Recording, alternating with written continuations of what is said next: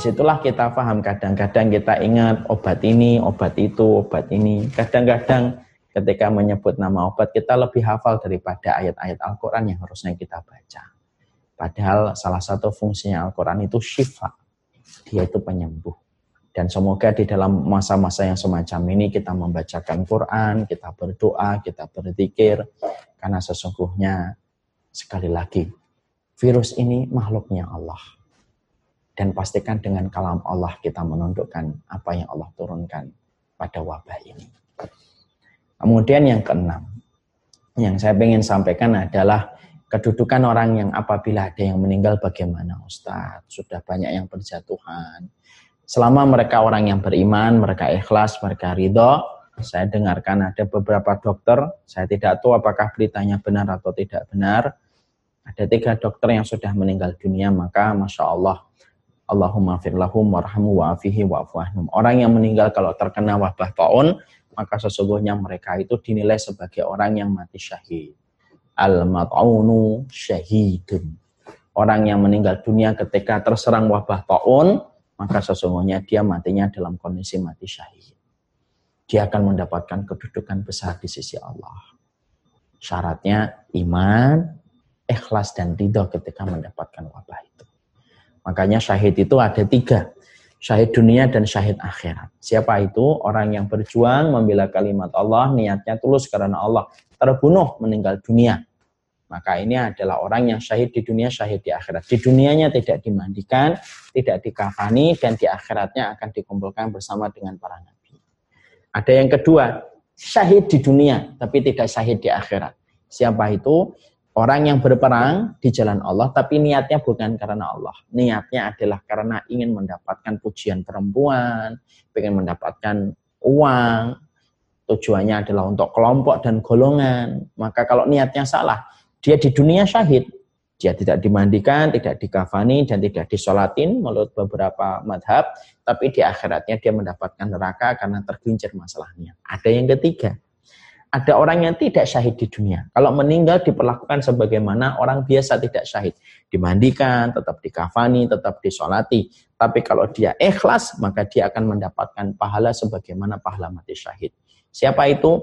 Orang yang terkena penyakit taun, orang yang melahirkan, orang yang kemudian dia itu terkena penyakit perut, maka orang yang tenggelam itu adalah orang yang tidak syahid di dunia tapi kalau mereka ikhlas, mereka akan mendapatkan syahid di akhirat. Tentunya ada syarat. Beriman, ridho, dan ikhlas mendapatkan musibah itu. Yang ketujuh, yaitu adalah saya menyampaikan secara khusus kepada para dokter, kepada para perawat. Saya tahu pasti berat ninggalin rumah, terutama istrinya, anak-anaknya. Berat apabila mendapati ibunya dan bapaknya, suaminya harus pergi ke tempat-tempat yang sangat rentan sekali terkena dengan virus. Saya menyampaikan rasa terima kasih sebesar-besarnya kepada semua para dokter dan semua para perawat yang hari ini berada di garda terdepan untuk menuntaskan dan untuk menyembuhkan pasien-pasien supaya penyakit ini tidak meluas secara masif di antara masyarakat. Kalaulah orang yang mati terkena taun saja kalau ikhlas mendapatkan pahala syahid, apalagi para dokter, apalagi para tenaga medis yang mereka memang mendedikasikan hidup mereka, mengambil risiko untuk kemudian mengobati dengan risiko mereka mendapatkan pula penyakit tersebut menimpa untuk mereka. Wallahi kalau mereka itu betul-betul karena Allah.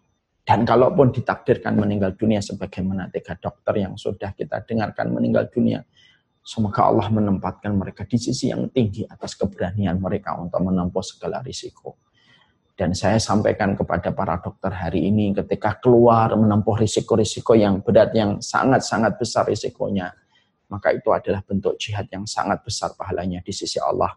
Kalau membantu seorang muslim sebanding satu hari, sebanding dengan 30 hari etikaf di Masjid Nabi. Padahal membantunya pada saat itu tidak ada risikonya.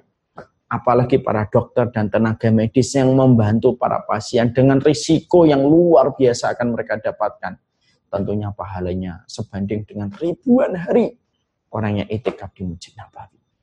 Sampaikan kalau ada di antara para viewer yang ada di sini, keluarga-keluarganya ada yang dokter, ada yang perawat yang masih harus kerja dan melaksanakan tugas. Sampaikan salam takzim saya dan semoga Allah mengkuatkan kalian dan semoga yang telah meninggal dunia Allah memberikan kepada kalian kedudukan yang tinggi atas jihad yang telah kalian lakukan ketika telah membantu saudara-saudara yang mendapatkan musibah wabah corona ini. Semoga Allah memberikan keberkahan insya Allah. Kemudian yang kedelapan, mungkin ada yang bertanya, Ustadz, sampai kapan wabah ini akan kita lewati Ustadz? Saya tentunya tidak bisa jawab. Tapi yang jelas bahwasanya Allah kalau tahu bahwasanya kita sudah tidak mampu, pasti Allah itu akan mengambil kembali. Karena Allah tidak pernah memberikan ujian kepada satu kaum kecuali Allah melihat kita masih mampu. Kalau nanti sudah tidak ada daya dan upaya kita kecuali Allah Subhanahu wa taala, maka pada saat itulah nanti Allah pasti akan menolong. Dan pertolongan Allah itu selalu datang pada saat-saat kita sudah tidak punya harapan kecuali kepada Allah. Pertolongan Allah kepada Musa. Kapan? Ketika Nabi Musa berhadapan dengan Laut Merah, di belakangnya itu Fir'aun. Tidak ada lagi harapan kecuali kepada Allah. Pada saat itulah lautan itu berubah menjadi daratan. Ketika Nabi Ibrahim itu diikat di atas tumpukan kayu dan akan dibakar. Lalu Nabi Ibrahim tidak ada daya dan upaya kecuali dia hanya berharap kepada Allah sambil mengucapkan hasbunallah wa ni'mal wakil. Pada saat itulah api itu menjadi dingin. Allah itu selalu menurunkan pertolongan ketika manusia tidak ada lagi harapan kecuali kepada Allah. Makanya kalau kita sudah pasrah ya Allah, kita kemudian bertobat, mungkin banyak kesalahan dan pasti banyak kesalahan yang kita lakukan. Pada saat itulah Allah pasti akan memberikan pertolongan. Allah tidak akan meninggalkan kaum yang masih sujud kepadanya. Allah tidak akan meninggalkan kaum yang akan terus berzikir kepadanya. Allah tidak akan pernah meninggalkan kaum yang terus mengetok-ngetok pintu langit untuk berdoa kepadanya. Karena Allah adalah rahmatnya, tidak ada batas akhirnya dan tidak ada finishnya. Maka pastikan bahwasanya ini akan segera berlalu. Nomor sembilan, bagaimana dengan rezeki kita Ustaz? pastikan rezeki kita sudah ditakar oleh Allah. Mungkin saatnya kita mulai agak mengencangkan ikat pinggang kita. Mulai belajar sederhana, menikmati yang sedikit.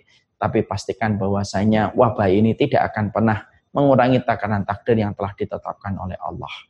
Takaran satu rupiah pun tidak akan dikurangi oleh Allah. Tetap yakin Allah pasti akan memberikan rezeki terbaik untuk kita. Karena sesungguhnya apa pun kejadian tidak akan pernah menjauhkan rezeki apa pun kejadian tidak akan pernah mampu mendekatkan rezeki. Maka itu hanyalah Allah yang memberikan rezeki dan tetap yakin kepada Allah Subhanahu wa taala. Dan yang ke-10 yang terakhir kalinya tolong ikutin arahan pemerintah, para dokter, tenaga medis dan fatwa-fatwa para ulama. Kalau diperintahkan untuk menghindari kerumunan, hindari kerumunan. Kalau kita kemudian diperintahkan untuk sering higienis, sering kemudian mandi, sering mencuci tangan, menghindari kontak dengan berbagai macam hal yang lainnya, maka sesungguhnya kita hindari yang semacam itu karena sesungguhnya mengikuti orang yang berkompeten tentang masalah itu adalah merupakan bagian dari kebaikan kita. Jangan membuat fatwa gadungan, jangan membuat fatwa tandingan. Ikuti fatwa-fatwa para ulama. Jangan membuat keributan dan kegaduhan. Saatnya hari ini tidak membuat kegaduhan. Kalau para ulama sudah memberikan sebuah fatwa, dihindari tempat keramaian, mungkin dihindari dulu sholat berjamaahnya. Bukan niat kita meninggalkan Allah, tidak. Niatnya adalah untuk menolak mandorot. Supaya tidak terjadi lagi kemandorotan dan keburukan-keburukan menimpa pada kehidupan kita. Sesungguhnya, dengan kita mengikuti petunjuk dan arahan yang disampaikan oleh para ulama. Semoga ini bisa melahirkan sebuah solusi yang tepat dan kita segera mampu melewati masa-masa berat dalam kondisi yang semacam ini. Semoga Allah memberkahi kita insya Allah. Karena saya tidak meniatkan ini adalah kajian, tapi sifatnya adalah menenangkan untuk diri saya. Karena dalam kondisi yang semacam ini pola pikir tetap harus tenang dan tidak ada yang menenangkan kita kecuali harus kita kembalikan kepada apa yang dijabarkan oleh Allah dan Rasulnya. Semoga memberikan kebaikan untuk kita. Nah, saya agak melenceng harusnya 45 menit tetapi sekarang sudah 55 menit berarti sudah lebih dari 10 menit. Tapi tidak apa-apa, semoga tetap memberikan manfaat dan semoga Allah memberikan kebaikan untuk kita insya Allah. Oh.